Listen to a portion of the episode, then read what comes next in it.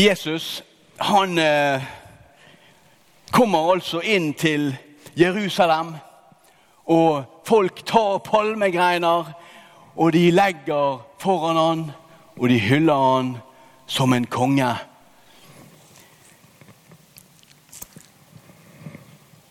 Hva hadde du gjort hvis du fikk høre at kongen er på vei til deg? Eh, Kong Harald, altså. Hvis han var på vei til deg, hva hadde du gjort? Jeg vet hva jeg hadde gjort. Jeg hadde angret på at jeg ikke hadde tatt oppvasken og ryddet og ordnet og vasket, og at alt var klart. på en måte. Det hadde jeg. Men så hadde jeg kanskje begynt å tenke hvordan skal jeg ta imot kongen? Har jeg rød løper til han? Nei, det har ikke jeg. Da hadde jeg sprunget for å finne noe jeg har.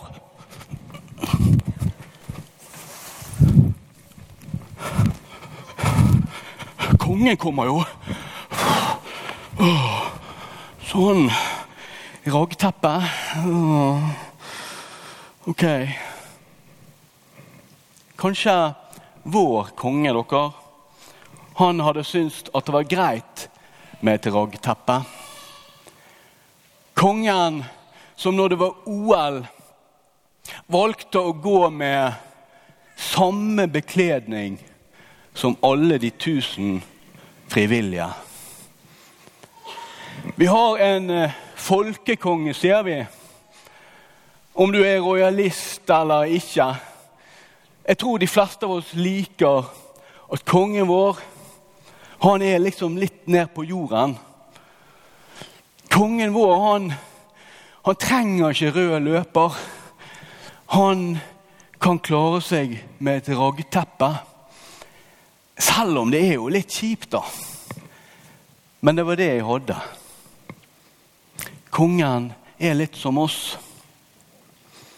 Så kan vi spørre Når kongen valgte å ta på seg OL verktøyet som alle de frivillige hadde i 1994. Var det en bevisst handling? Eller er det bare sånn han er? Har han rådgivere som sier 'du må være litt folkelig'? Hm, det vet vi kanskje ikke. Men han burde jo kanskje fått råd om å slutte å bruke den jakken etter hvert. Han begynner å bli ganske gammel, han går med han fremdeles, ser jeg. Men dere det der med bevisst kommunikasjon.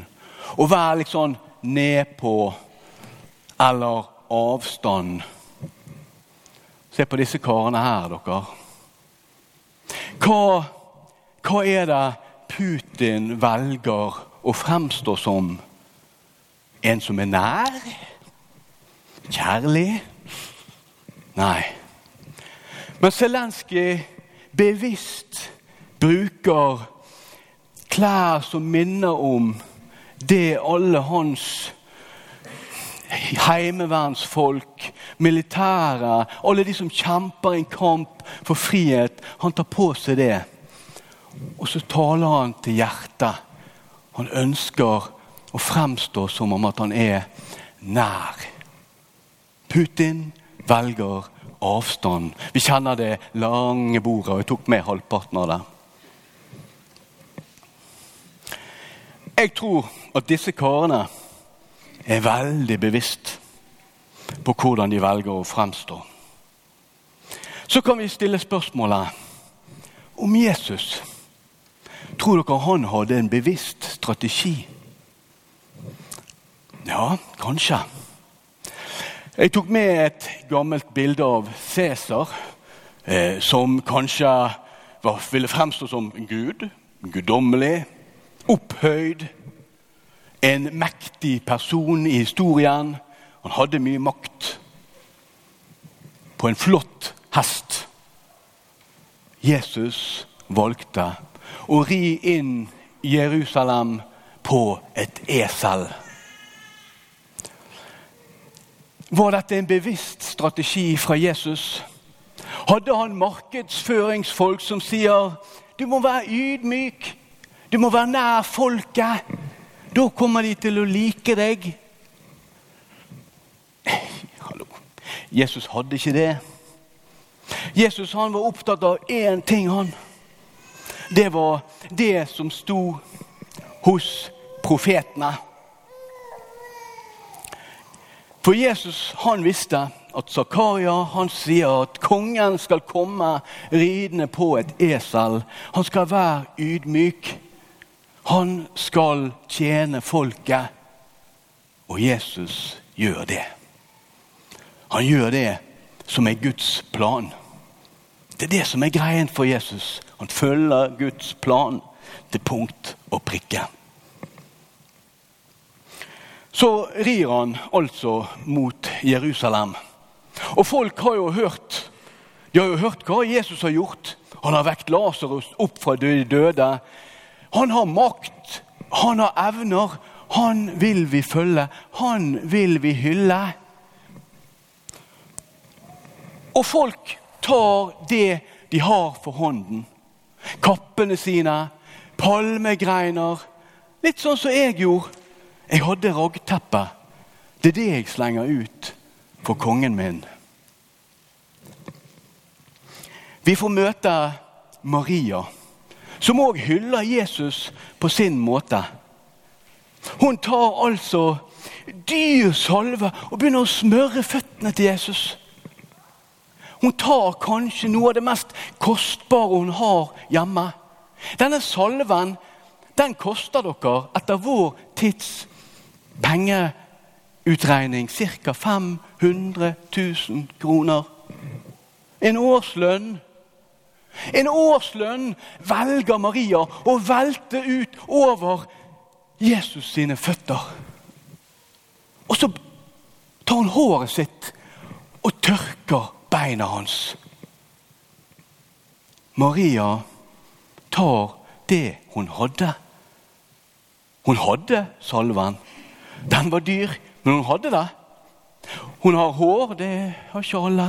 Og hun brukte håret sitt. Hun tar av sitt eget og hyller Jesus. De som ventet på Jesus når han red inn, de tok det de hadde for å hylle Jesus som konge. Som en ydmyk konge. Så er utfordringen til deg og meg Hvordan velger vi å hylle denne kongen? Eh, vil vi gi 500 000? Her høres det ut som en sånn kollekttale, men det er ikke det. Eh, hva er vi villige til å hylle Jesus med? Og da er, får vi noen hint. Vi kan ta av det vi har, det vi er. Men så vil vi holde litt igjen, for vi vil jo ikke bli tatt for å være helt ko-ko. Dere dere som er dåpsforeldre i dag. Dere kom for litt siden med noe som er mye mer verdt enn 500 000. Dere kom med det mest dyrebare dere har, og bar det fram. Kanskje fordi det er tradisjon, ja. Men hvem er det som tar imot i dåpen? Jo, det er denne kongen, Jesus. Og hva er det han gjør? Og hva er det påsken handler om? Jo, det er jo at Jesus med sitt liv legger seg ned for oss. Han legger seg ned for at vi skal få lov til å vandre på hans kjærlighet. Vi skal få lov til å vandre i det håpet som han gir oss i påsken. Et håp om at kjærligheten er sterkere enn døden. At Jesus beseirer døden. Han gir oss håp, tro og kjærlighet. Han gir oss håpet om et liv som er større enn dette. Så kan vi prise Gud med det vi har, og med den vi er. Og de dere som er dåpsforeldre, først og fremst er, det er foreldre.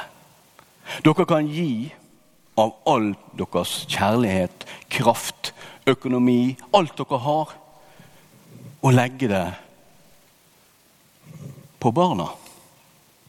La de få lov å vandre i kjærligheten, i håpet, i troen. La de få lov å bli kjent med den Gud som er så rik på kjærlighet at han velger å legge sitt eget liv på korset. Og dø en død for oss og dele en oppstandelse med oss som gir oss håp. Som gir oss håp på det evige livet. Ta det du har. Ta ditt liv. Ta av ditt liv og gi. Han godeste Judas Jeg sier litt sånn 'stakkars Judas'. Han får noe mye pepper her. Men han sier én ting som er viktig. Og det er du og jeg, vi kan ikke gi av vår overflod til Jesus rent fysisk. Hans føtter er ikke her til å salve. Men vi kan gi til Jesus ved å gi til de fattige. Når vi deler av vår overflod, når vi kler noen som er nakne, når vi gir mat til noen som er sultne, og vann til noen som er tørste, så gir vi egentlig til Jesus. For han sier at der det er fattigdom, der det er sykdom, der det er ensomhet, der det er krig, der er jeg. Jesus vil alltid være der de svakeste er. Og Når vi gir av vår overflod, så hyller vi Jesus. Gi av ditt liv. Gi av din overflod. La ditt liv være som en lovsang, en lovprisning til Gud. La oss gjøre vårt liv til en lovsang for Gud.